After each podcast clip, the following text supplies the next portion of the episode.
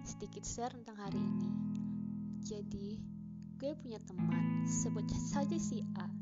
Si A ini punya suami, dan karakter suaminya ini adalah ogah-ogahan kalau disuruh bekerja. Jangankan bekerja, ditawarin kerjaan aja dia ogah-ogahan. Gue kasihan aja sama teman gue ini.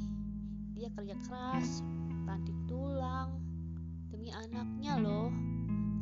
sementara suaminya kerja. Enggak tuh.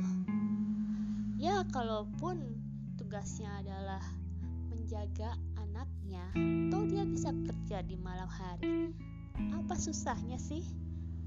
Pasti ada jalan lah untuk menambah penghasilan dalam rumah tangganya.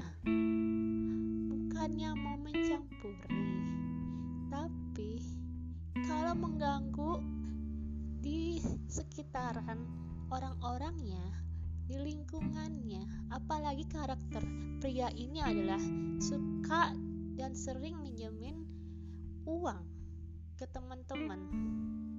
Apa nggak malu dikenal sebagai pria parasit?